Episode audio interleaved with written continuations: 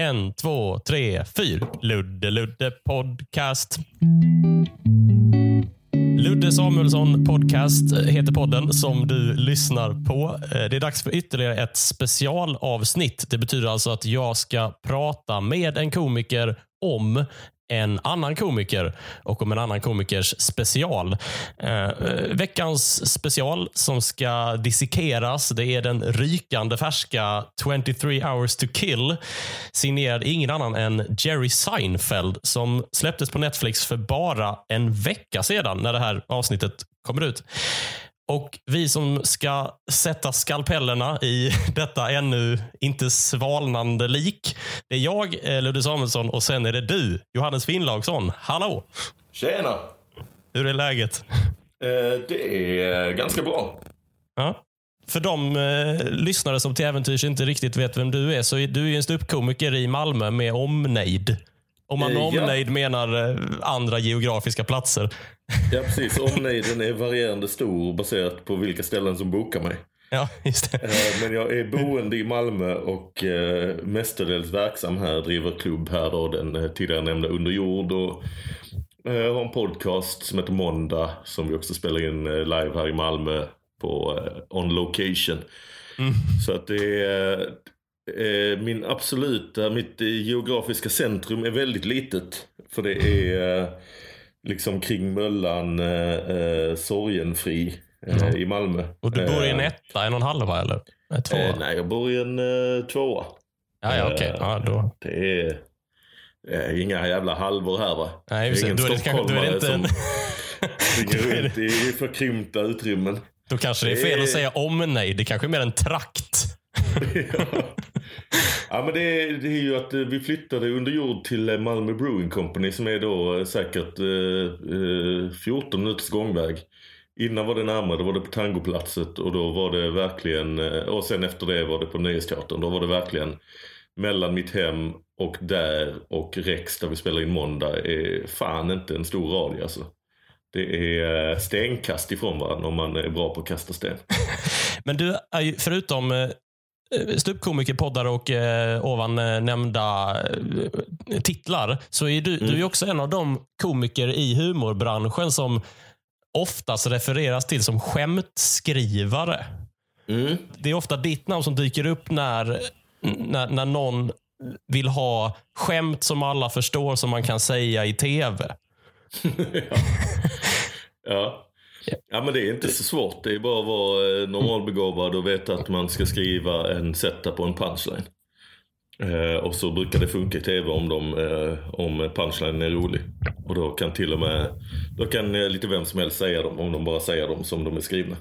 Kan man till och med få Robin Paulsson. Och, eh, det är ju annars att man man behandlar ju honom lite som den här Mr Ed. Det var en, en häst i amerikansk tv. Man tryckte in lite jordnötssmör i munnen på den så att den eh, tuggade så att det såg ut som den pratade.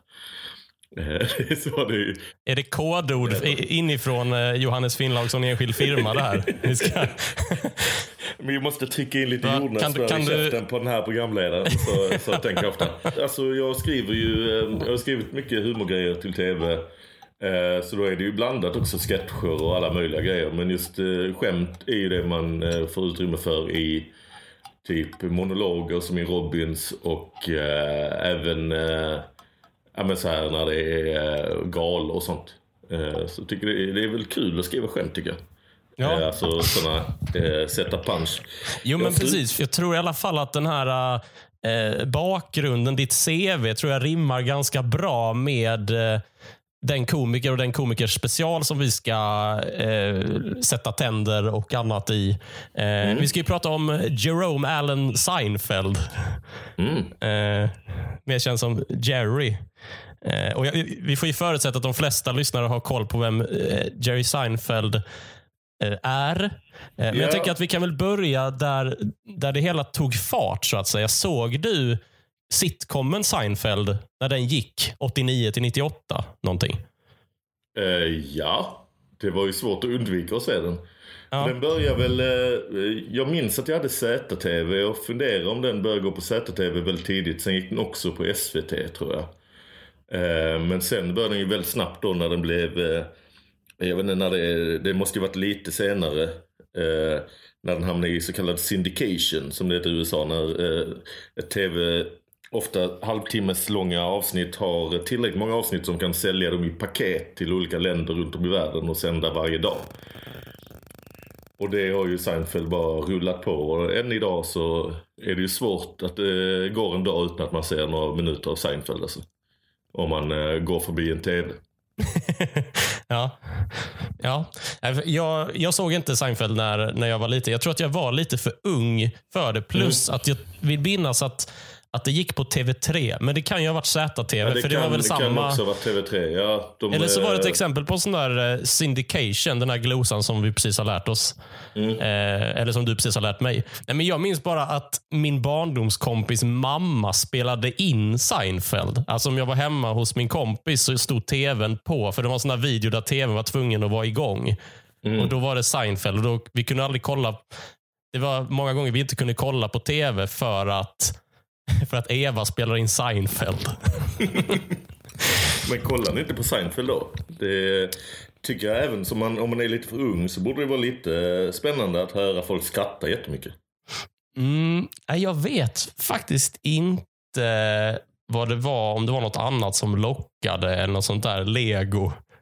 ja, det är ju, det är så pass. Ja, ja är det jag, jag, jag slänger ut att det här är någonstans 96 eller något sånt där. Då ja. var jag ju sju eller Nej, jag sex kan inte år. minnas att jag, att, jag tror inte jag såg Seinfeld liksom eh, 90 när jag var liksom nio bast. Det tror jag inte jag gjorde. Nej. Eh, utan det var nog några år senare när det började rulla liksom, eh, lite mer frekvent på eh, någon av de här kommersiella kanalerna. Mm. Eh, gillade du Seinfeld när du såg det? Eh, ja, jag gillade, gillade det och gillar det fortfarande. Ja. Eh, inte så mycket som vissa gör. Vissa är ju helt frälsta i det. Simon Gärdenfors och Ed. Chrissy, eh, Ed. Hästen Ed Hästen... har väl en fäbless för Seinfeld, eller? Din Ed. Jaha, min Ed. Ja, Robin Paulsson. Nu hänger jag med. Han var ju ett enormt fan av Jerry Seinfeld. Ja. ja. Eh, och eh, han är nästan mer fan... De flesta är ju fans av serien Seinfeld. Och det är väl Robin också, men han är ju ett enormt fan av Jerry Seinfeld. Mer än de flesta skulle jag säga. Mm. Även av de som gillar serien. Alltså, Simon Gärdenfors eh, älskar ju Seinfeld, men han är ju mer i eh, kampet Larry David. Det är Larry David och Jerry Seinfeld som skapade Seinfeld. Mm. Eh, och Jerry eh, står för den mer liksom så vanliga observationen och vanlig kille som var mm. ansiktet utåt. Och Larry var den här galna neurotikern som gjorde sig ovän med alla men är ett jävla komiskt geni. Och som satte ihop eh, manusen liksom. Vad var det du gillade med, med serien Seinfeld då? Um, ja, men dels är den ju rolig. Det är roliga karaktärer. Uh, George och... Um, man kommer väl in i det med att gilla Kramer och tycka han var lite ball. Men mm. sen efter några avsnitt in så är det att man fattar att det är George som är den roligaste.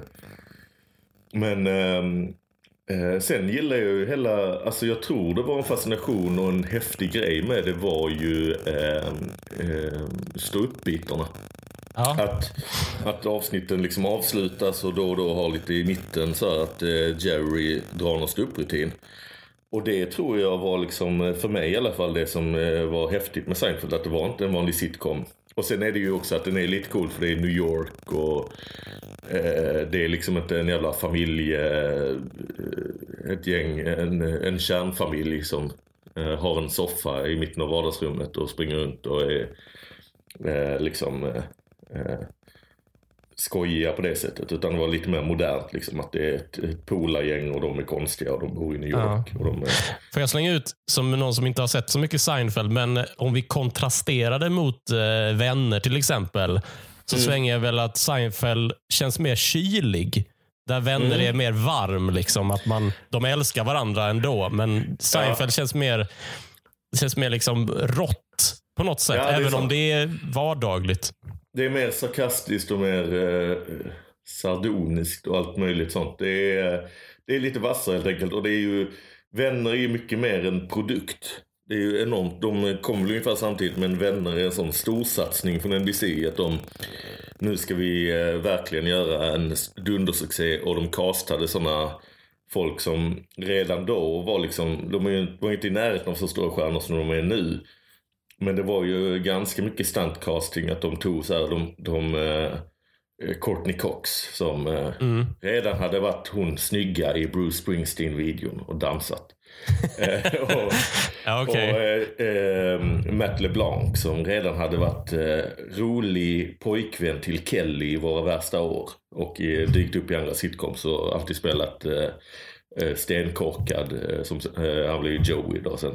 Mm. Så att eh, det, det var ju mycket mer en sån eh, network eh, product. Att nu jävlar ska vi storsatsa och göra den här sitcomen och fy fan vad den kommer. Eh, och de gjorde så eh, massa eh, vad heter det, eh, fokusgrupper och allt sånt och allt var väldigt strukturerat. Medan Seinfeld var mer en sån, eh, ja, eh, vi låter en komiker göra en, eh, en sitcom som de ofta gör med olika ståuppkomiker. Att bara ge dem en massa pengar och få utveckla en sitcom och så blir det ofta en, ändå en sån familjesitcom som alla älskar, Raymond eller, Mm. eller Huset fullt, eh, eller inte Huset fullt, vad heter det?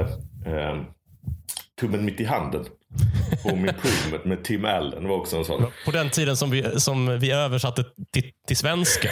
Ja, Simma lugnt att- Larry, till, är det som kommer ja till det är en klassiker. Det är synd att Seinfeld inte fick... eh, Nej. Curb your enthusiasm är väl Simma lugnt Larry. Ja, precis. Ja. Det är svårt att översätta sig. Seinfeld, men det kanske är... Det Simma borde lugnt Jerry. det är väl toppennamn. ja, faktiskt. The show about nothing är ju dess eh, tagline Seinfeld. Att det är Ja. handl- vardagliga händelser. Det handlar om ingenting. Så det kanske är så här... eh, det var inget Jerry. Eller, Ja, alltså, eller eh, En komikers vardag eller något sånt där. Liksom. ja, Jonas Gardell hade blivit upprörd. Ja, just det.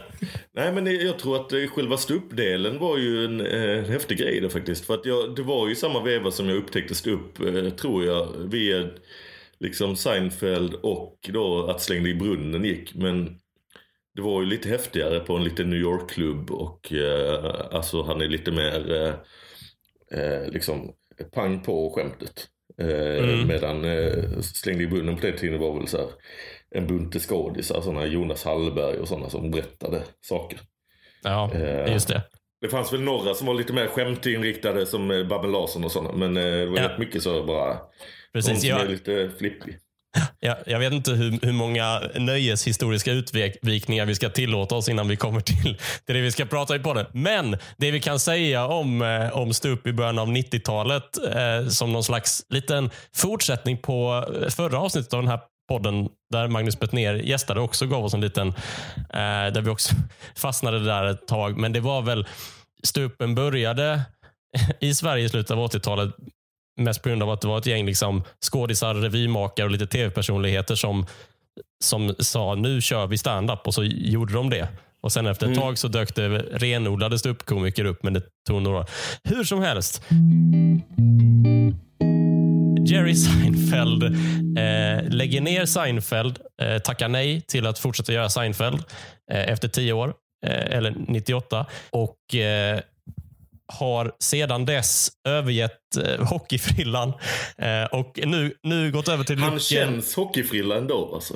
ja, han, har, han har den här looken. Eh, han ser ut så här nu för tiden. Amerikansk turist som klagar på service så att alla andra i hotellreceptionen hör. Exakt så ser Ja. han ut idag. Eh, Jag tror han eh, är den personen också. Ja, jag tror också det. Jag tror också det alltså. Eh, men han är åtminstone, han är, eh, han la ner Seinfeld för att satsa på på stand-up igen. Eh, släpper en special 98 som heter I'm telling you for the last time. Där han bara bränner av, begraver bokstavligen gamla skämt. Hela specialen börjar ju med en liten sån här Ja. scen där, där, eh, där det är en begravning. Där han begraver skämt helt enkelt. Jag tror Eh. det var så att han, han sa, den hette I'm telling you for the last time och det var premissen. Men sen tror jag han fortsatte dra vissa av de skämten Ja, för det här, det här hände eh, för samma barndomskompis mamma som jag nämnde tidigare eh, köpte biljetter när Seinfeld kom till eh, Globen i i eh, 2010, skulle jag säga att det var, eh, så gjorde Seinfeld ett Sverigebesök och eh, hon eh, eh, jag hörde, minns att jag frågade hur det var och eh, hon var besviken på att han hade kört gammalt material som hon hade Ja. hört tidigare. Så eh, det var kanske inte sista gången. För han, alltså han, så, så han gör den 98, så gör den här stora turnén och han släpper specialen telling for the last time. Och sen eh, så 2017, 20 år senare nästan, så kommer hans nästa special, eh, Mm. Jerry before Seinfeld. Eh, som, eh, allt det här finns på Netflix ska jag säga. Eh, vad han Ja. gör däremellan är lite oklart. Det enda är, för, det är att han gör huvudrollen i B-Movie, som är en animerad det. film om bin. Men Mm. eh, 2017 kommer Jerry Before Seinfeld och eh, det är en special fast den innehåller så här tillbaka, den är liksom halvspecial. Det är som en halvdokumentär för att den innehåller liksom lite tillbakablickar och intervjuer med honom. Och sen är några, lite av, delar av materialet är ju faktiskt gammalt. Alltså på att han gör en grej av det. Det här är några av mina första skämt som jag drog i det här rummet 1976. Eh, men nu, eh, eller åtminstone den 6 maj 2020, så kommer 23 hours to kill.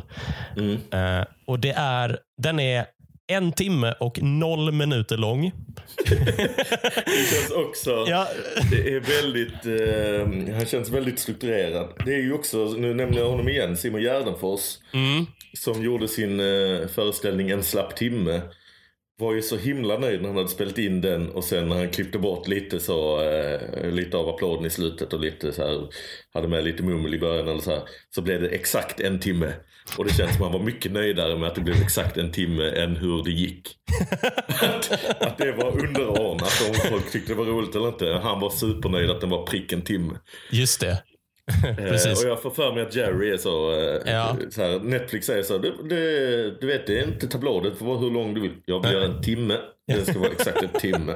Precis. Fan vilket bra gig Jerry. Nej, jag drog över. Fan, en timme och en minut, helvete. Jag, jag, jag tog ut en sväng som blev för lång. Ja men Jerry är ju, det märkte man ju i eh, den här som, den har ju rätt många år på nacken nu, men den här Talking Funny. Där det var, eh, Mm. eh, det var Louis CK innan skandalen, Ricky Gervais innan alla började hata honom. Eh, och Chris Rock och Jerry Seinfeld som pratar om ståupp. Det här finns på, det här är någon slags eh, tv-podd, en tvådd kan man säga. Men det är ett, en, ett intervjusamtal som heter Talking Funny, rekommenderas. Finns på YouTube. Men där är det väldigt tydligt att de har olika inställning till att producera nytt material. Ja. Att Jerrys hela grej är, man har sin eh, act och sen byter man ut kanske 5% av den per år. Mm. Vilket känns som ett så tråkigt sätt att göra det på tycker jag.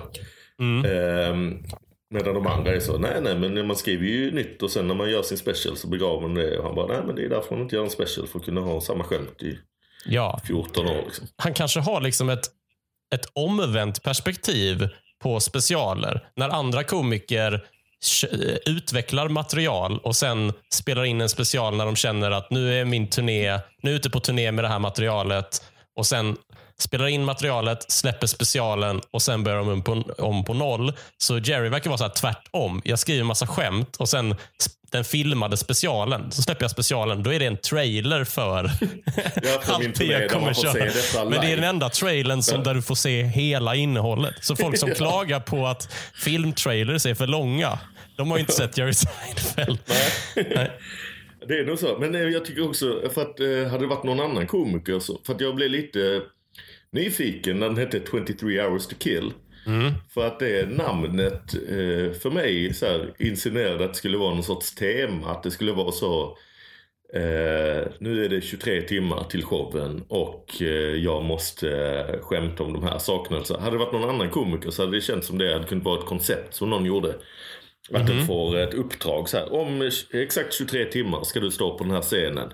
Och du ska bla bla bla. Och så är det så wow, hur ska jag få ihop det? Och så ser man det under dagen och sen så gör den en, en 45. Jag tror att min teori om, om titeln, eh, det är att det är som en språngbräda in till öppningsrutinen.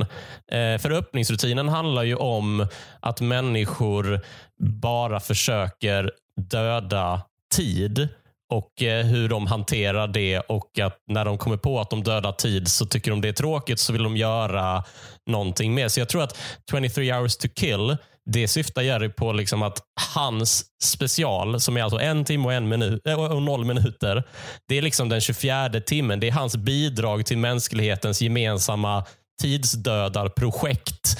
Eh, där, där liksom att nu har jag gett er en timme och 23 hours to kill, det får ni lösa själva. Ja, det är resten. Jag tror, jag tror faktiskt att det är liksom, så det är eh, tänkt. Jag tror att det är Ja, så det är tänkt. kan det vara. Det är mycket möjligt. Men då Eh. borde det ju vara att, att hans special heter något helt annat och sen heter allt annat på Netflix 23 hours to kill. Precis. Om man inte menar då att man eh, ska se den 23 gånger till. Ja, det kan vara. Men om vi ska börja i, eh, vi har ju båda sett den här specialen. Som, Ja. Eh, det är det som är uppdraget för podden. Och du som lyssnar kanske också har sett den. Netflix har etikerat den för övrigt som fyndig, familjevänlig ståuppkomik. Reko rekommenderad ålder, gissa vad det är? Oh, jag vet inte hur de jobbar med ålder. Eh, eh, Det brukar stå så här 7 plus eller 13 plus eller ja, sådär. det är mer en sån eh, Gissa vad det står på uh, fyndig, familjevänlig ståuppkomik. Från 11 år. Åldersgräns kolon alla. Slutcitat. Ja, ja, ja, men det kan jag tänka mig. Jag Ja. tror han, eh, han stoltserar med att inte vara grov. Mm. Även om, eh, vi kan komma till det senare kanske, men eh, han var grövre än jag någonsin sett honom genom att han Mm. använde två ord jag inte hört honom säga innan på scen. Och Mm. nästan ett tredje grovt ord. Men jag tänker också eh, 23 hours to kill-titeln nyttjar han väl också för det här långsökta eh, introt. Olika eh, komedispecialer har ju ofta ett litet intro och Ja. eh, det märks ibland när ett produktionsbolag är inblandat att de bara vill att det ska vara dyrt. ja. Att de har en viss budget för det och så är den ibland lite för hög. Ja. Så att de bara, eh, nu bränner vi av det för att introt är att han, eh, det är så här hemlig agent-tema. Att han hoppar ut från en helikopter ner i vatten. Och sen klättrar han upp på vattnet och så är det hela. Man bara tänker så, fan vad onödiga pengar har slängt på detta. Så Ja. kul var inte det. Nej, det där är ett, ett fenomen eh, som jag tycker... Alltså, det gör jobbet i bemärkelsen sätter tonen för specialen. Eh, och det, Jag vet inte. Jag, då, ja, alltså Sist jag såg ungefär det här hända, eh, det var när Petter Stordalen invigde Clarion Malmö live. och Det tycker jag sätter tonen så himla mycket för för hur Jerry Seinfeld vill ha det. Eller så som jag Ja. tror att han vill ha det. För det som händer direkt efter när han kommer in på scenen, det är att man ser en ridå gå ner över Mm. ett storband. Alltså en orkester med ungefär 20 musiker Oj, som, som jag. sitter där live och spelar liksom så Las Vegas swing. Du vet så här showig, showig jazzmusik liksom, som han går in till. Och De har antagligen suttit där när publiken går in. Ja. Eh, och Det är just det där, ja, men du ska bara få se ridån gå ner över en trombon. Så man ser, Ja. ah shit, han hade, han hade liksom en orkester med sig också. Jag kan tänka mig Eh. att när Jerry Seinfeld eh, förhandlar med Netflix så är det inte bara viktigt att han får mycket pengar utan han vill också att det är viktigt att det kostar mycket att producera. Mm. Även andra grejer som inte han får del av. Så att han bara säger, nej men eh, ni måste ju eh, visa att ni satsar på detta. Så ni måste betala även för helikopter och för, eh, Mm. för eh, The New York Philharmonic. Eller vilka det kan vara som satt där och... Ja, precis. Det här tycker jag säger någonting om, om Jerry Seinfeld. Mm. Faktiskt. Eh, och jag- och jag, vi kan ju inte fråga honom. Eh, för det kostar väl pengar att ringa till honom kan jag tänka mig. Nej, men, och Jag tycker det, det säger någonting om hans syn på vad som är underhållning och det tycker jag också speglas i materialet som vi antagligen kommer att prata om senare. Det är det här jag tror att Jerry Seinfeld han är en sån där person som säger det är häftigt med färgglada lampor. Publiken vill se färgglada lampor. Alltså hade Jerry Seinfeld mm eh, varit en underhållare på 20-talet så hade han velat ha så här dan- 2020-talet eller Nej, 19, 1920-talet? på, 19, tack, på 1920-talet då hade han liksom velat ha så här, tjejer med bara ben. För det vill folk se. Ja, Alltså Jag tror att han har någon slags någon, någon form av kvantitetstänk. Eller någon ja slags han, mängd. han, han går någon inte slags, så mycket efter eget tycke utan efter vad, vad, vad som folk vill ha. Han skulle aldrig få för sig att filma i svartvit, tror jag. Nej, Alltså av, av, är- av estetiska skäl. Utan folk vill ha färg. Helst Mm. tecknat. Mm. Eh, jag kan tänka mig att publiken får godis i foajén. ja. Ja, det är att han vill signalera så här. eh, Det är värt att betala jättemycket för att gå ut och se mig när jag kommer till, eh, till Reno, Nevada. Ja, men okej. Eh, 23 hours to kill. Vad kände du när du såg den? Eh, jag kände att den var eh, ganska mycket vad jag förväntade mig. Eh, vilket är Jerry Seinfelds material som känns, eh, jag ska inte säga tidlöst för det är lite för mycket av en komplimang. Men det känns inte så modernt. Det känns som det är material som eh, eh, Alltså känslan är att detta materialet har han dratt i minst tio år. Eh, det känns som han hade kunnat göra hela den här specialen för 15 år sedan. Och det hade kanske varit två skämt som inte var med. För att eh, för 15 år sedan kanske det inte kom upp tre prickar när man chattade med folk. Annars det, var det ungefär det liksom. Eh, och han är ju eh, skicklig på det han gör men det han gör är inte riktigt min, eh, min bag så. Eh, för att det känns lite för stift och lite för... Det är ju observationshumor. Men det är så pass bred observationshumor så att det är, alla ska vara med på tåget. Så att det ska vara sånt som alla har tänkt på. Och det tycker jag blir lite eh, tandlöst ofta. Mm. Hur tänker du då? då? Nej men att, eh, att det är ju roligare när någon har något eh, liksom en specifik spaning om någonting om man bara känner igen sig för att man själv råkar eh, vara just det. Men om det ska vara att alla i hela publiken ska känna igen sig så blir det så jävla breda penseldrag. Det blir så, och att man helt plötsligt måste, ska hålla med om premissen så. Ja, så är kvinnor va. Det är annorlunda än män. Och så är man bara så här, ah, är, det, är det så? Ja, ja okej. Ja. då. Att man hela tiden måste, måste köpa de här väldigt breda premisserna.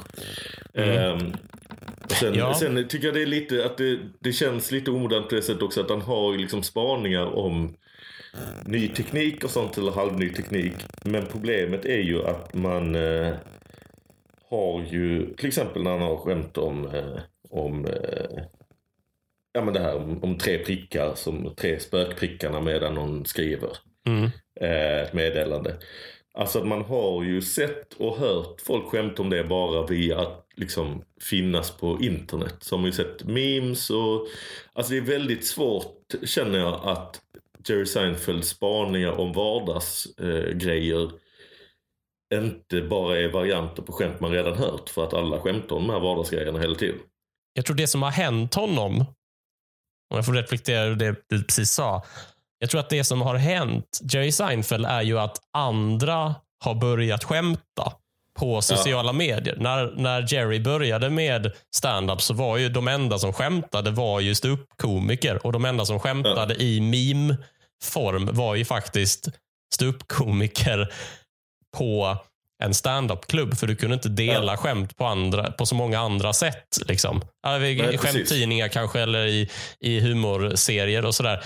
Eh, medan, och det här säger ju faktiskt Jerry i ett skämt där han säger att, att prat känns uråldrigt. Jag känner mig uråldrig när jag står här. Och Det är också inne på det här eh, döda tid. Alltså att det är ineffektivt för, av honom att stå och prata i en hel timme med mitt ansikte. Liksom. Jag hade kunnat mejla den här showen till er Ja. eh, egentligen. Och det, när han sa det så tänkte jag, ja, det, det kunde du. För det här är, det här, det är en, en grej som jag tänkte på när jag, när jag såg den och det är ju att, att jag, jag fattar inte Jerry Seinfelds röst. Nej. Alltså hans comedy voice, eller hans sound. För det verkar som att han har samma känsla inför precis allting. ja. Eh, för att han är alltid irriterad. Liksom. Alla hans premisser är ju ofta, vad är grejen med det här? Varför What's håller... deal with that? Ja, antingen så är det så här att han sorterar bort allt material som har en annan känsla än irriterad. Eh, Ja. och Eller så formaterar han allt sitt material i den känslan. ja, jo men precis. Men han, hans palett har liksom en färg. Ja, och det är det som känns lite... Eh, en annan grej jag tänk, eh, tänkte på och som jag tänker med Jerry Seinfeld och hans humor är att det är ju väldigt eh, eh, stå upp för nybörjare. Du kan ju Mm. vara en person som aldrig har gått på stå upp och ser det Och då är han väldigt proffsig och gör det exakt som det ska vara. Mm. Men eh, för om man har sett mycket stå upp så tycker man ju så här, det är väl roligare om någon drar något alldeles absurt långt eller om någon eh, mm. är helt omotiverat arg över något. Alltså att det är lite mer eh, andra komiker, när man har sett en del eh, comedy så roas man ju av det lite oväntade eller att någon tar saker till olika nivåer. Men här är allt på en jämn nivå hela tiden. Eh, och han är alltid eh, liksom samma sorts format på grejer. Liksom. Ja, alltså precis. Det är lite som att om du tittar på Jerry Seinfeld stand-up så är det som att du får du får inte hela konceptet stand-up samtidigt. Utan du får, ja men det är precis som, som en nybörjarlektion. Liksom att idag ska vi lära oss en grej. Att du får, och i Jerry Seinfelds fall så är du, nu får du skämt. För ja. det där jag sa med att han hade kunnat mejla showen, det bygger ganska mycket på att han Alltså, hans skämt levererar sig själva. Alltså, jag vill sträcka mig så här långt och säga att om du faktiskt om du liksom får ett mail med Jerry Seinfelds eh, senaste special och mm. läser upp den högt, då mm. kommer man låta som Jerry Seinfeld. Jag tror det. det. Jag tror att manuset är så... Alltså, den här känslan av irritation som han mm. alltid har, den finns liksom inbyggd i manuset. Och det, det, kan låta, det kan ju låta kritiskt. Liksom. Det kan ju faktiskt också vara någonting bra. Att ja. det är så välskrivet manus att du faktiskt kan dra det. Som komiker så kan han dra det oavsett vilket humör han är på. Det kan ju vara ett kvalitetstecken ja. eh, på ett skämt. Men, Men jag, jag läste, eller så här, jag minns för eh, en bunt år sedan när jag i något svagt ögonblick hade tackat ja till att hålla någon kurs för folk som ville börja med stå upp. Så det gjorde jag några gånger. Eh, då eh, var det liksom bara för att eh, man själv skulle ha saker att lära ut så var man ju tvungen att tänka så lite basic och googla lite så. man ville berätta för dem vad en premiss var och vad en punchline var och allt sånt där. Och då hittade jag någon som påstod då att alla premisser är eh, något man irriterar sig på eller något man stör sig på. Mm. Vilket man till att börja med tänker så, det kanske inte stämmer. Det har någon tittat för mycket på, på Jerry Seinfeld. Mm. Men det kan ju vara så ändå om man tar det lite längre att man kan ha ett skämt. Om jag har ett skämt om äh, äh, ja, att äh, kebaber i Malmö bara har storlekarna stor och extra stor. Nu mm. har jag inte det, men det är en sån spaning folk skulle kunna ha skämt på. Jag tror jag har haft det. Då, Ja, jag känner igen det, det, det nu när jag kom på Ja, men det finns ja. varianter. Det finns ju mycket ja. roligt att hämta där säkert. Men eh, då tänker man att även om man inte har ingången.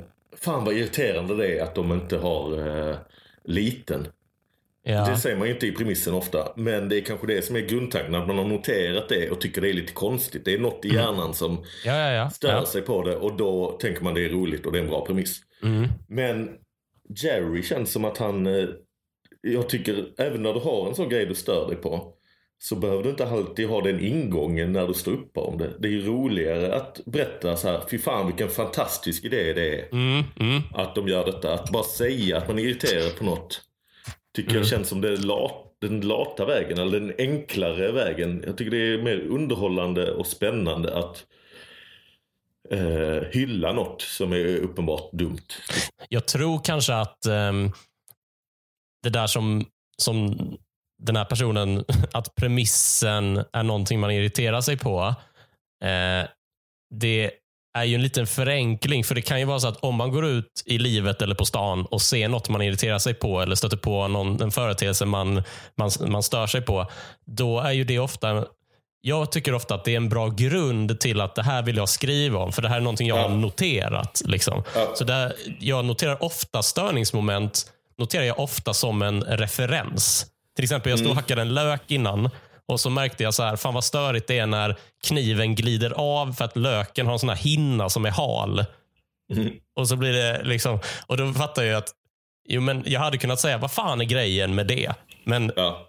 och det, det går ju att göra, men hellre så jag sparade hellre i min anteckningsbok som en, som en referens för att om jag har stört mig på ja. det här, då har nog andra sett det. Och det är nog mer det, där jag tror jag det är liksom det är nog mer det som är grunden för kanske ett igenkänningsskämt. Att det här är någonting som alla har sett. För att om man noterar saker som man uttrycker starka känslor inför, tror jag. Mm. Och, och därför så blir, blir det ett bra grund. Men det, det, du har nog rätt i det att, att Seinfeld har liksom alltid samma han har liksom grundpremissen i sin röst att så här, eh, ja. jag har noterat detta, jag är smartare än världen där detta existerar i och förklarar varför detta är dåligt på ett underhållande sätt. Du kan stötta Ludde Samuelsson Podcast på Patreon. Då får du bland annat tillgång till avsnitten tidigare och dessutom så får du en exklusiv bonuspodd där jag och gästande komiker pratar om ett favoritskämt. Eh, veckans gäst är ju du, Johannes. Mm. Eh, jag tänkte, vet du vilket skämt du har valt? Eh, nej, faktiskt inte. För att jag tyckte det var eh, ganska svårt. Eh, ja. Att välja ett favoritskämt. Och eh, sen eh, tryckte jag undan den eh, lilla läxan. Så att jag eh, får ta det på uppstuds sen. Jag kommer nog komma på något skämt som är min favorit. Det kommer säkert bli bra. Det är säkert värt att bli Patreon för att höra. Ja. Gå till patreon.com snedstreck Ludde Samuelsson podcast om du vill stötta. Tack så mycket för att du gör det, om du gör det. Tillbaka till Jerry Seinfeld och 23 hours to kill när jag såg den så retade jag mig på en grej som jag ofta har retat mig på med Jerry Seinfeld. Och Det är att han kan aldrig berätta något om sig själv utan att lägga över det på alla andra samtidigt. Nej, det är sant. Han säger aldrig jag, utan han säger alltid vi. Mm. Eh, och till och med i början i öppningen så um, pratar han om eh, vad är grejen med att gå på en show med sina kompisar. Till exempel mm. innehåller en väldigt roliga formulering. How many times have you heard the word tickets today? Så här, mm. Who's got the tickets? Och, så där. och Sen säger han, why are your friends so annoying? Alltså mm. lyssna på det, att han säger, varför är dina vänner så störiga? Eh, att ja. det har ingenting med honom att göra. Eh, men för den här showen kan man ju säga är i två delar. För Först så är det observationshumor och sen så, så går han via en väldigt accentuerad övergång över till att prata om sitt privatliv. Men mm. det går ju, övergår ju ganska fort i vanlig observationshumor. Ja, eh, mycket, mycket manligt kvinnligt och eh, sådana grejer man hört liksom varianter på tusen gånger. Att eh, eh, Hur det är att leva i ett äktenskap och man måste verkligen, eh, man får inte säga fel för då blir det bråk. Och, alla gifta eh, komiker i USA låter ju som att de hatar sina liv alltid. Ja. Och har det helt fruktansvärt i sina äktenskap. ja. Och det är liksom en grundläggande komisk premiss och att alla då i USA i publiken verkar ju också vara så här, haha, vi mm. har också ett kärlekslöst äktenskap där vi hatar varandra och bara håller ihop för sakens skull. Mm. Nu måste vi gå ut och höra någon berätta att alla har det så. Det är så intressant för att Alltså även om jag som då är eh, gift eh, och, ja. och, dessutom komiker. Eh, jag känner igen mig i jättemånga av Jerry Seinfelds premisser och situationer och, eh, och sådär. Men det som jag alltid kommer reta mig på, det är ju att han, jag vet att Jerry Seinfeld har ingen aning om vem jag är. Han struntar i mig. Men han säger vi. Nej Ludde, jag tror att han tycker jättemycket om dig. Du ska inte klanka ner på dig själv. Nej, det, det är sant. Tänk inte så om dig själv. Jerry Seinfeld vill att den här podden ska gå bra. Han älskar dig Ludde. det, ja, men det här, jag vill känna igen mig i Jerry Seinfelds liv. Jag vill inte ja. känna igen mig i hans föreställning om mitt liv. För alla Nej, andra komiker och många komiker som jag eh, uppskattar eh, det är liksom komiker som berättar något om sig själv och sen så känner jag igen mig som publik i många av, av delarna och, mm. och skrattar för att oj, våra liv, trots att trots att du eh, har liksom eh, visat kuken för dina kollegor, Louis CK, är inte så olika ändå. eh, nej, men, men eh, och, och, så känner jag igen mig i lite av grejerna som, eh, ja. som berättas och så skrattar jag. Seinfeld däremot, han berättar något om mig. Och ja. Sen sitter jag och identifierar de detaljer som inte stämmer. Och Det leder inte fram mig till skratt. För grejen Nej, är att precis. han kanske pratar om sig själv. Eh, Jerry, han kanske, han kanske har det exakt så som han berättar. Men det låter som att han har hittat på allt. Alltså för att han, och det har liksom att göra med lite det vi var inne på med den här pampiga inledningen och hans historia. För att han är liksom eh, han, han rankas som liksom en av världens mest inflytelserika ståuppkomiker och han är liksom en av de rikaste komikerna i hela världen. Hans mm. liv är inte som andras. Så han kanske pratar om sig själv, men det låter som att han har hittat på allt. Det låter som att han har studerat vanlisar, ja. eh, som är alla andra människor utom han själv och liksom lärt sig att det blir stand-up om jag säger jag var på semester för ett tag sedan. Och ja. Ni vet hur det är på semester. Man ska alltid bråka i ett hotell. För Jag tror ja. det är så här att, att Jerry Seinfeld tänker att bara för att man har en fru så betyder det att man har bråkat. Och, ja. och, och det, det, kan stämma för väldigt många, men jag tror inte att det stämmer för honom. Även om jag ändå tror det. Jag, klart att han har bråkat med sin fru, ja. men det är inte det är inte det jag är intresserad av. Nej, jag, jag hade tyckt det var mycket intressant om han berättade liksom om något specifikt gräl de hade. Precis. Eh, men det är ju inte Jerry Seinfelds grej, utan hans grej är alltid att berätta så här ni vet hur det är och eh, eh, problemet är ju att alla är ju inte likadana och det är därför jag ogillar när komiker alltid har den, eller vissa har den ingången att så här Alltid, det är alltid så här att man är alltid och så eh, mm. om man sitter där i publiken och bara så nej, jag Alltså det är så här, när man öppnar det orangea kuvertet så tänker man alltså, nej, alla jag, jag har aldrig öppnat det orangea kuvertet så jag känner inte igen mig. Alltså det är verkligen... Eh, Men sen verkar jag, jag, hade vara... en anteckning, eh, jag hade en anteckning eftersom du då, vi har olika perspektiv, när han körde hela den här grejen om hur mycket man hatar sin fru. Mm. Så antecknar jag ju, eftersom jag vet att du är gift, jag har anteckningen Ludde hatar du din fru. För att det vet ju du om någon, om, om Jerry talar sanning, att det alltid är så här när man är gift. Att, att äh, giftermål är att man går runt och, och, och hatar varandra utan att få säga att man hatar varandra. Ja, alltså jag kan ju säga så här.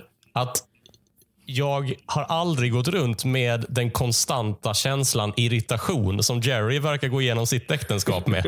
Utan min, jag tror att min känslopalett, eh, jag tror att jag har använt alla känslor på den paletten i, alltså precis som i ett vanligt liv, tänker jag. Eh, och Det är väl här någonstans som, det kanske är det som är grejen. Att Det är inte bara det här att, alla, att jag måste köpa alla premisser rakt av, mm. även de som jag inte känner igen mig i. För att Jerry säger alla gör alltid så här. Mm. Utan det kanske är också själva känslopremissen. Mm. Alltså att i en situation där som Jerry stör sig på, kanske jag har goda minnen av. Eh, ja. Alltså av någon sjuk anledning. Jag tänker i synnerhet på, eh, på den här Eh, vi var på, Jerry säger, vi, det är också inne i det här familjerelations manligt kvinnligt materialet. Eh, vi var på semester och semester, det vet vi alla, det betyder bara let's go and fight in a hotel. Och där, men du är en idiot, åk inte på semester då. Om du vet att det innebär ett helvete för dig så är det väl ja. bara att inte göra det. Ja. För det är det, han, det är kanske det här Jerry, Jerry lever liksom inte som han lär. Och det är ju helt fullt mänskligt. För, och Det är ett jättevanligt grepp hos andra komiker att säga, ja men ni vet man brukar ju säga att man ska göra så här, men jag lyckas fan aldrig med det. Mm. Eh, och Jerry har ju exempel på sådana situationer. Till exempel att eh, ja, man vill ju åka på semester och det ska bli så jävla bra, men det slutar alltid med att man bråkar. Det är ju en mm. mycket mer mänsklig ingång. Men sen en, en Jerrys liksom mer eh, robotiska ursäkta uttalet, eh. Men kan det vara att Jerry ser det ju lite som sitt mission att liksom skriva skämt som alla förstår? Ja, och då är Eller det, är det bara något jag fått för mig? Alla, alla känner igen sig och då har han väl liksom Det känns som han eh, gjort en eh, marknadsundersökning, inte på riktigt men i sitt huvud och tänker så vilka går ut och ser mina shower? De mm. kommer ut, de är par, de är gifta, de har varit gifta så här länge, de åker på semester då och då. Då, eh, att, eh, då är det det här som är, alltså att han har målet alla ska fatta alla skämt, alla ska vara med på premisserna så att han liksom väljer den breda eh, minsta gemensamma nämnaren. Mm. Eh. Ett, ett exempel på det är i en rutin han berättar om hur det är att gå på bio, att man måste städa upp. Eh, men så säger han, eh, han ger oss ett exempel på en film. Och Den filmen mm. är nyckeln till frihet. Och Då tänkte jag, vänta nu här. Har du suttit och, är inte det den filmen som har högst rating på IMDB? Det vill säga ja. antagligen den filmen som de flesta har sett och minns som bra. Ja. Har du räknat ut vilken har du suttit och tänkt så här, vilken film ska jag välja? Gått ja. in och, och, och, tittat. Så, att jag, så det verkar vara det där att jag, jag har så många jag får många argument för att Jerry har gjort det till ett mission att faktiskt lista ut vad alla kommer tycka är, är, är roligt. Vi har ju varit lite hårda eh, mot honom nu. Jag tänkte vi skulle väl öppna eh, det kapitlet av den här podden som jag brukar kalla favoritrutiner. Mm. Eh, finns det något som du fastnade för? Jag tyckte, jag kan inte hela rutinen, men den här biogrejen. Jag tyckte det var en väldigt rolig formulering att att vi har ett avtal. Han, han är sur på att han behöver städa efter sig. Eller att ja, precis. När man går på bio så ber personalen besökarna att ta med sig skräp. Ja. Jag tyckte det var en väldigt rolig formulering när han hade, nej, när vi går på bio eh, så har vi en deal. Dealen är, you're ripping us off! och i, i, i utbyte mot det, när jag är klar så bara, eh, så bara gestaltar han att han bara släpper popcornen ner på golvet. Ja. Eh, eller vad det Det är väldigt roligt. Det är ja. dealen vi har. Ni kan inte begära, om ni ska ta så jävla mycket betalt, då mm. Eh, får ni jobba lite också. Ja. Eh, så det tyckte jag var väldigt roligt. Sen tyckte jag att han var... Ehm, han hade någon rolig... Det var kanske mer liksom enskilda formuleringar och skämt i vissa grejer som jag tyckte var att varenda grej han hade rutin om. Utom kanske det liksom eh, hur det är att gräla med sin fru som pågick alldeles för länge och inte hade något nytt i sig tyckte jag. Eh, så var det ändå i nästan varje grej han hade att det fanns någon liten rolig formulering som eh, jag tyckte var, eh, var skoj. En rolig den om det känns också visserligen, alltså vissa grejer känns som att det är så gammalt. Alltså även i den han inleder med om att vara ute och se på, eh, vara ute på en föreställning. Så har han en referens han säger om, eh, om att, eh, eh, att go out. This is out. Ja. Och det är ju verkligen en gammal, den tror jag han drog i tv-serien Seinfeld. Ja, är det sant? Jaha. Ja, men nu drar han, han drar inte samma rutin nu men han slänger in den formuleringen som om, som om det är en referens som så här. Ej, ni minns att jag skämtade lite om detta då också. Jaha, då är det därför den får så mycket skratt? För jag tyckte inte ja. det var så kul. Jag, jag, reagerade på att först så hörde jag inte riktigt vad han sa. För han sa så här. Mm. This is a... Han säger typ så. This is a... och, jag bara, och publiken bara garvar som fan. Och jag bara, jag, dels jag såg den komma och dels jag hörde knappt vad han sa. Ja, men han, en annan också i början när han pratar om eh, eh, när man får, eh, ska dividera räkningen och så är det typ, eh, har han the story of the bill. Säger han också bara lite snabbt i förbigående. Det. det. är också ett jättegammalt skämt han drog i Seinfeld om att när man får notan i en sån liten bok. Ja, eh, som man ska öppna upp och då har han skämtet så What is this? The story of the bill? Så det. det var som att han bara smattrade in ett par sådana så gamla så här, han ville visa så här, ja jag har skämt om detta innan men nu har jag lite andra skämt om samma sak. Men jag slänger in den här gamla referensen så att ni ska bli glada. Ja, just det. Eh, ja. Känna igen att det är en gammal, gammal karamell. Mm. Det är lite som eh, Issard gör ibland. Issard gör ibland eh, den här Death Star Canteen. Mm. Att han callbackar till karaktärer eller formuleringar mm. från sina gamla specialer. Sådär. För att, det är intressant att du säger det, för jag tyckte att att öppningsrutinen tyckte jag var en av de, de som jag gillade mest. Uh, ja, var det där om ja, hur mycket man har uh, bloggat ja, men, på ja, men Till exempel, dit. how many times have you heard the word tickets today? Uh, jag tyckte det var, alltså för att, dels för att det fanns någon mer än Jerry Seinfeld i rummet som kunde gå i god för att det här var sant. Vi har pratat ganska mycket om att han etablerar premisser som alla ska tro på och sitter man själv och, Men för den här rutinen börjar i publiken eh, som handlar om eh, eh, hur, är, hur det är att gå ut med sina vänner på en show. och att ni är här för att så här, vi måste gå ut. Vi går aldrig ut. Och så går de ut och sen så, så pratar han då om att när man är ute så tänker man ah, fan det börjar bli sent, jag måste dra hem. Eh, och så landar han i premissen då, eh, ingen vill vara någonstans.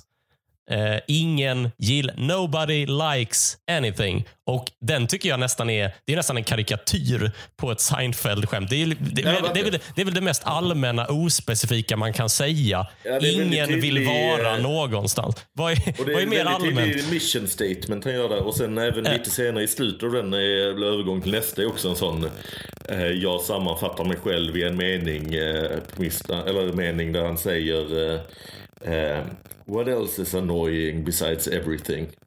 Mm. Uh, vilket är för att visa så här, det är, det är väldigt självmedvetet att så här, detta är hela min, uh, min komiska gärning. Att mm. irritera mig på saker som folk irriterar sig på och tala för oss alla om hur, ja, precis. vad det är specifikt vi irriterar oss på. Ja. Och Jag tror faktiskt att det har också lite att göra med till varför jag gillar just den här rutinen. Eh, dels för att det känns, så, det känns lite kul faktiskt med en liten hommage till sig själv där. Att liksom säga, eh, ingen gillar någonting. Ingen gillar någon, någonting. Eh, för alltså, Vad är mer allmänt att säga än det? Vatten är ja. blött. Killar ja. är inte tjejer och sådär. Eh, ja. och det, men skillnaden här, det är att Seinfeld lyckas blott blotta lite personlighet. Eh, för att det han går övergår i sen är ju då att vi, vi stör oss på alla grejer. Alla människor stör sig på grejer de gör och vi försöker hantera eh, det genom att switch locations. Mm. Att man, man liksom man vill aldrig vara någonstans. Att det är alltid så här, ja, jag måste ja. gå upp, jag måste till flygplatsen. Flygplanet eh, flyger iväg. När landar vi? Varför öppnar de inte dörren så att vi kan gå av? Eh, och Sen säger då Seinfeld att eh, eh, ja, men alla ni i publiken, ni känner ju mig. Ni vet vad jag har gjort. Ni vet, ni vet ganska mycket om mig och ni vet faktiskt for a fact att jag kan vara var som helst i världen just nu. Men jag är här. Och Sen säger han då, if you were me, Would you be up here hacking out another one of these? och Det är väldigt, väldigt roligt för att ja, tycker, där, eh... där han, han bryter för första gången i sitt liv mot en regel. Han säger liksom uttryckligen till publiken att han tycker att det är tråkigt att uppträda. och Det är liksom en fasad som, som alla gånger jag har sett Jerrys stand-up har försökt upprätthålla. Uh, ja, och sen några sekunder senare så spacklar han upp den muren igen och säger I love it here. Ja. uh, att han liksom, det var ingen fara. Ja, men jag tyckte det jag älskar var, er såklart. nog hans mest, alltså, jag var inget jättefan av uh, första rutinen ska jag med det. Jag, tyckte, jag skrattade inte så mycket åt den helt enkelt. Mm. För att jag, kanske att jag inte håller med om så här, man hatar inte alltid där man är. Var på mm. nice ställen då. Håll dig hemma om du tycker det är nice hemma. Men, men jag gillar den, eh, just den biten tycker jag är likeable när det är liksom att, för det gestaltar ju också att även om han då eh, liksom på ytan bara säger att eh, fy fan att jag ens gör detta. Vem pallar det liksom? Men jag gör det ändå. Så är det ju likeable för att det visar, jag som komiker som eh, gillar ju han som komiker, att han eh, liksom undertonen är ju så här, jag behöver inte göra detta, jag är mångmiljonär, det bara ramlar in pengar på mitt eh, konto hela tiden för alla de här repriserna som går. Jag behöver inte göra detta, jag gör det ändå. Det visar ju att han älskar stå upp liksom. Mm. Och comedy. Att han mm. ens gör detta. Så att det gör ju att eh, jag själv som då komiker och gillar folk som eh, eh, brinner för comedy eller vad man säger. Eh, gillar honom lite mer. Eh, och eh, även det roliga då att det går lite mot han, det här eh, tråkiga eh, att man ska vara så, åh vad härligt, vi har det allihop. Så är det lite roligt att stå på scen och säga, ah, vad fan, stå här och hålla på. Eh, så det, den biten gillar jag väldigt mycket. Eh, men eh, ja, sen, jag vet inte, han hade några små eh, ehm, det var som sagt rätt många småformuleringar här och där som jag tyckte var, var mm. väldigt roliga och snygga. Har vi någon eh, liten lista på gång kanske? Äh, inte jättemycket, men jag hade någon till exempel när han hade som också kändes som eh, liksom, eh, en grej han tog upp redan under Seinfeld. Det här med liksom voicemails och sånt där. Eh, Ja, just det. Tror, alltså det känns väldigt likt liksom något, något han skämtade om innan med eh, eh, tala in namn och nummer efter eh, signalen. Mm. Mm. Eh, och sen eh, och så har han då, behöver man säga det? Ja. att, och det är så här, en spaningsmässare, ja ja. Men sen är det en väldigt rolig formulering när han har exemplet. Har det någonsin hänt att någon ringt upp och bara This is a woman, klick. att någon inte berättar vem de är. Och det det. händer liksom inte. Ja. He's Eh, dead. Ja, Ja, men jag håller med dig. Små roliga. Eh, Men sen som sagt, eh, detta är inte någon eh, särskild hyllning av någon premiss eller något skämt. Men eh, det var noterbart, även om denna då var för alla åldrar och familjevänlig. Mm. Att han säger eh, i ett skämt eh, så använder han ordet bitch Mm. eh, och ho, tror jag. Mm. han skämtar om att eh, vi är, eh, det är mobilerna som äger oss. Är det i stort sett det är väl premissen i skämtet. Att så, Ja, jag åker runt med Uber och Ubern är vår hallick. Eller vad, jag minns inte Ja, vad fan det är. Men, eh, så, men att han använder ordet eh, så här, oj. Det, det är väldigt specifikt liksom för att han pratar ju specifikt om prostituerade och, och så. Ja. Eh, så det är inte att han bara kallar någon you bitch liksom. Men eh, utan det är ju referenser för man använder sådana ord i den genren. Men ändå, Jerry Seinfeld sa bitch.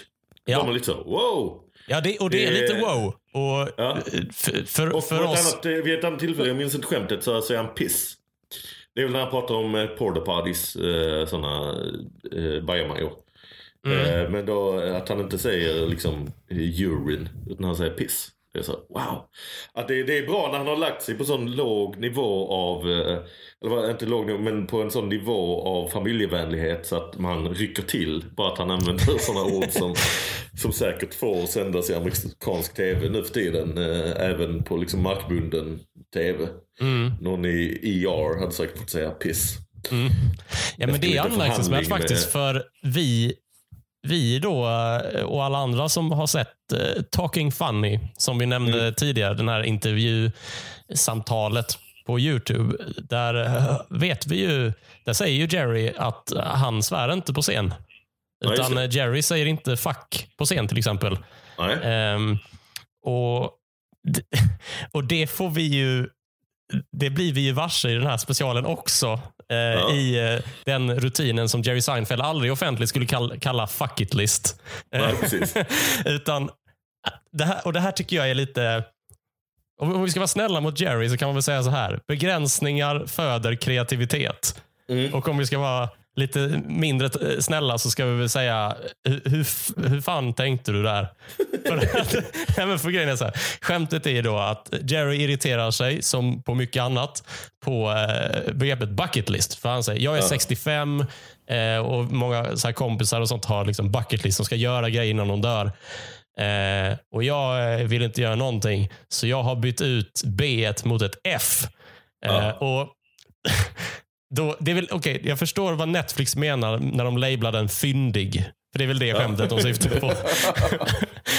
Men jag kan liksom aldrig i min värld föreställa mig att Jerry, hur Jerry kom på det här skämtet. Att han kom på liksom, han tänkte väl inte så här, haha, bucket list fast med F.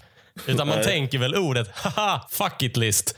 Ja. Alltså, han, det måste ha gått till så här att Jerry tänkte, ha, fuck it list. Och sen så, så men vänta lite, sen Jerry, han svär ju inte. Hur ska jag precis. lösa det här problemet? Men jag tror också eh, visserligen att det kan vara fullt eh, att han liksom kommer på i samma sekund som han tänker fuck it list så kommer han på den här formuleringen för att han vet att det är så man jobbar och han är en kategori med andra komiker som också är så familjevänliga. Mm. Att de slänger in, in sådana skämt, det är liksom typ som eh, liksom Pixar-film och sånt gör. Att de kan slänga in ett lite halvgrovt skämt bara det inte är liksom tydligt och barnen fattar det. Nej, Bara nej. man inte säger svordomen men, liksom, eh, men man eh, låter det hända i folks huvuden. Det är en Mm. väldigt tydlig grej som eh, ofta framkallar eh, vad jag kallar tantskratt. Eh, kanske inte i detta fallet när det bara är en, ett snabbt skämt. Liksom. Mm. Men jag har haft den tanken om eh, eh, Ska vi, ett tantskratt ska vi förklara för lyssnaren. Det hör vi väl i den här specialen också? Ja, Han kommenterar en, ju en... eh, Han, En det, skrattis, en kvinnlig skrattis. Men Ja. det är inte riktigt ett sånt. För hon Nej. är lite mer specifik. Men jag tänker sk- tantskatten är oftare när jag hör dem eh, många fler på en gång. Och att det inte är liksom någon som sticker ut som denna gör Nej, i den, denna specialen. låter det inte typ så här... Så, jag...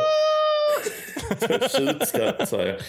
Men- jag har tänkt på det. Älskar det med, skrattet. Eh, Martin Svensson, eh, väldigt Mm. rolig komiker i Helsingborg som också är väldigt familjevänlig och Mm. eh, observationshumor-människa.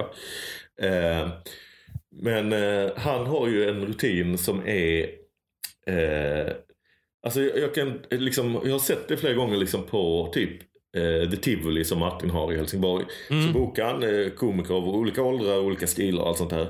Och då var det så tydligt att om det var liksom en eh, hyfsat ny kvinnlig komiker som kör liksom något skämt där hon säger fitta Mm. eller, eller kuk eller, eller något sånt vulgärt. Så sitter publiken och liksom, nej, nej det här var inte, det tycker vi inte är kul sånt. Men när Martin Svensson sen går upp och kör en rutin om att han har varit på någon föreläsning när de berättat om farliga fetter. Just det. Men den har en dialekt som fick det att låta, hon pratar om farliga fittor, hon pratar om Ja, eh, grova fittor, det var fittindex. och Ja, då, det. är det, då kommer tandskatten för då de blir inte störda av att någon säger det vulgära utan de, de bara tänker det vulgära i huvudet. Han säger ju inget farligt, han säger ju fetter. Nej, just Men det. Han de pratar ju... omformulera det i huvudet till Mm. sig själva och då blir det den krocken som skapar eh, den här spänningen i deras huvud. Så får man ett, men det är ju ja, det är Mm. för galet. Alltså. Men att de blir så, om någon säger det rakt ut så nej, nej. Det Ja, men det är väl att det mikrofon. liksom... Att det, det ordet bidrar till en väldigt konstig situation. Alltså det, det, är ju, Ja. det är ju mindre farligt att höra om alltså en annan situation där någon har stått inför publik och sagt fitta utan att tänka att den sa fitta.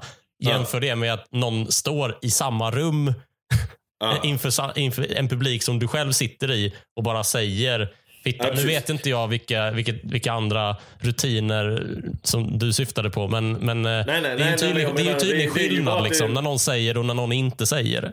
Ja, det är ju, men I det jag menar att det- den här, folk som är bra på den här familjevänliga komedin är ju bra Ja. på att köra vulgära grejer utan att det krockar med de här familjevänliga, eh, den Mm. här publiken som vill ha det familjevänliga.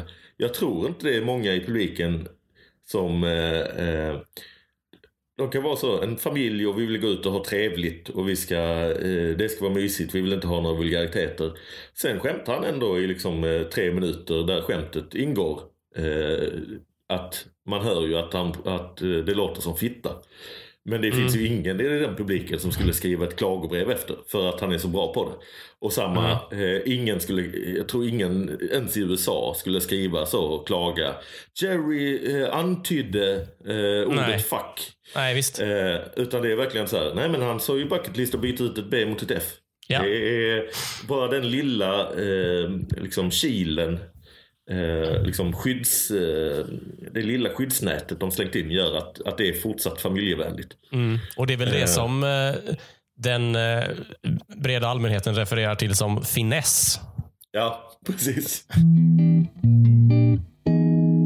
Som komiker, av, av att titta på eh, Seinfelds 20, 23 hours to kill, eh, har du blivit inspirerad på något sätt i liksom din egen comedy eller av något grepp eller så?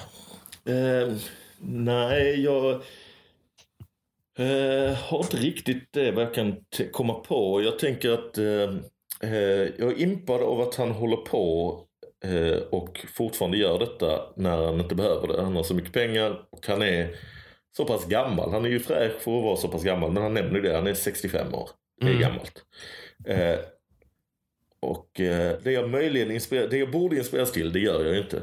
För att jag inte eh, har det i mig. Men jag borde inspireras till att stretcha mer.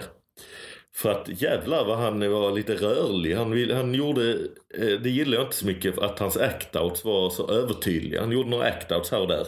Mm. Han, eh, en, han drar ett skämt att det är som att vara, eh, jag minns inte om det är galärslav och, och ro. Och sen plötsligt så bara är det som att han tar en, en halvsekunds paus och så här, nu kommer act out. Det är exakt det jag sa.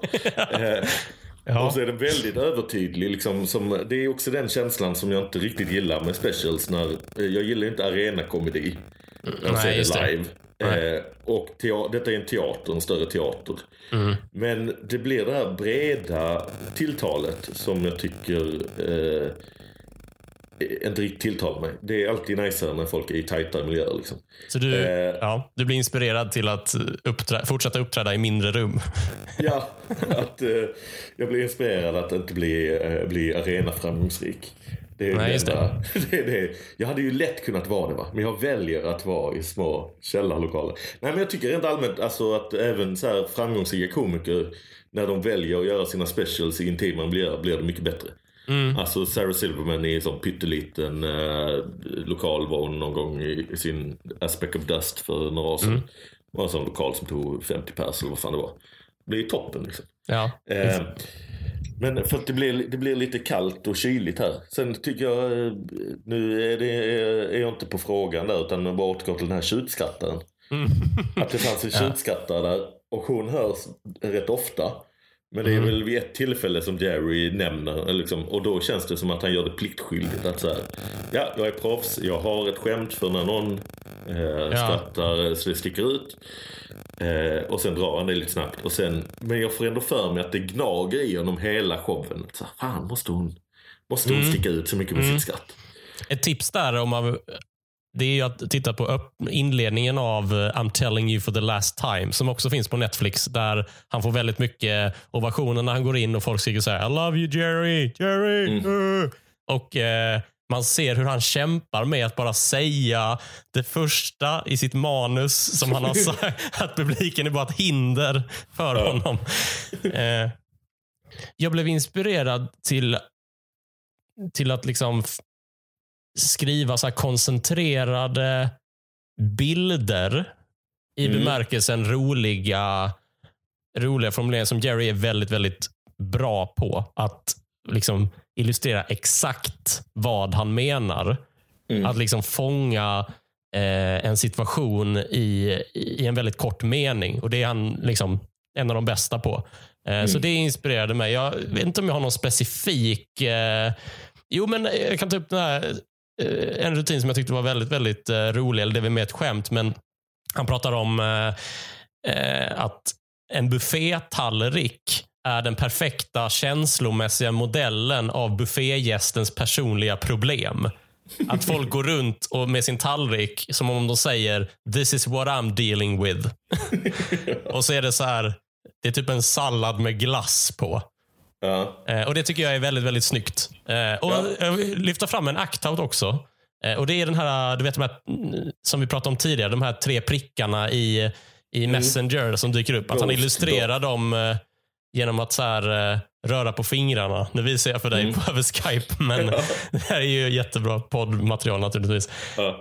Men det är ett väldigt snyggt sätt att illustrera det på. För jag tyckte att han fick fram den här stressande känslan eh, ja. genom att röra på sina fingrar. Det tyckte jag var väldigt, väldigt snyggt. Ja. Um, mm. Ja, men han är ju väldigt skicklig. Det, eh, men som sagt, jag är nog också mest inspirerad av de här eh, de snygga formuleringarna som jag tycker, det kändes som det liksom fanns en per, eller en eller ett par per eh, per rutin. Att rutinerna mm. blir när när han berättar om man ska ha igenkänning så tycker jag inte det är så roligt. Sen kommer liksom en sägning som är jävligt bra i den. Som ja. buffégrejen, jag håller med dig om den formuleringen var jätterolig. Men själva resten av buffégrejen var så här, men det har folk skämtat om innan känns det som. Mm. Jag föredrar Niklas Anderssons buffématerial framför Jerry Seinfelds buffématerial. ja. Eh, det finns inte på Netflix än, vad vi vet. Det borde väl finnas på SVT Play så länge det är i brunnen kanske? Ja, ja. SVT Humor hade ju någon sån eh, Niklas Andersson-dag där de la ut eh, massa klipp med Så att eh, han, är, han är, borde snart, om, om eh, svenska sådana eh, grejer börjar göra det så mm. eh, Niklas Andersson. Bra satsning. Familjevänlig. Det kommer också vara eh, alla åldrar. Barntillåtet. Ska vi låta det vara slutordet för eh, Jerry Seinfeld? För Jerry Seinfeld 23 hours to kill. Om man har 23 timmar att döda, ring Niklas Andersson. Eh, ställ en fråga. ja, men du, du Johannes Finnlaugsson. Ja. Eh, jag tänker att vi ska sy ihop det här med någon slags eh, röd tråd. Eh, vill du göra reklam för något? Har du något på gång? jag har inte så mycket på gång. Det är mycket som är inställt och uppskjutet i mm. coronatider. Men Under jord, min klubb, hade formellt säsongsavslutning nu i onsdags. Men vi slängde in en till. så att vi kör en sista gång där innan sommaren den 20... Nej, vad blir det? Eh, 20 kan det bli. 20 maj. Biljetter på underjord.nu. Lyssna på podden Måndag eh, i din poddspelare. Den heter Måndag. Eh, eller så kommer man in på underjord.nu. Där finns en flik som heter poddar. Eh, ja, eh, kolla min YouTube-kanal. Jag heter Johannes Finnlaugsson där. Och på Twitter och Instagram heter jag Johabed. Man får gärna följa med. Då så. Eh, Johannes Finnlaugsson, tack för att du tog dig tid. Tack själv. Och Du som har lyssnat, du har lyssnat på Ludde Samuelsson Podcast special. Gå med i Facebookgruppen Specialcirkeln för att få länkar till kommande specialer som ska tittas på och eh, komma med egna förslag. Eh, gå till patreon.com snedstreck Ludde Samuelsson Podcast om du vill stötta podden och följ att Ludde Samuelsson på sociala medier. Tack för denna gång. Vi hörs nästa. Hej då!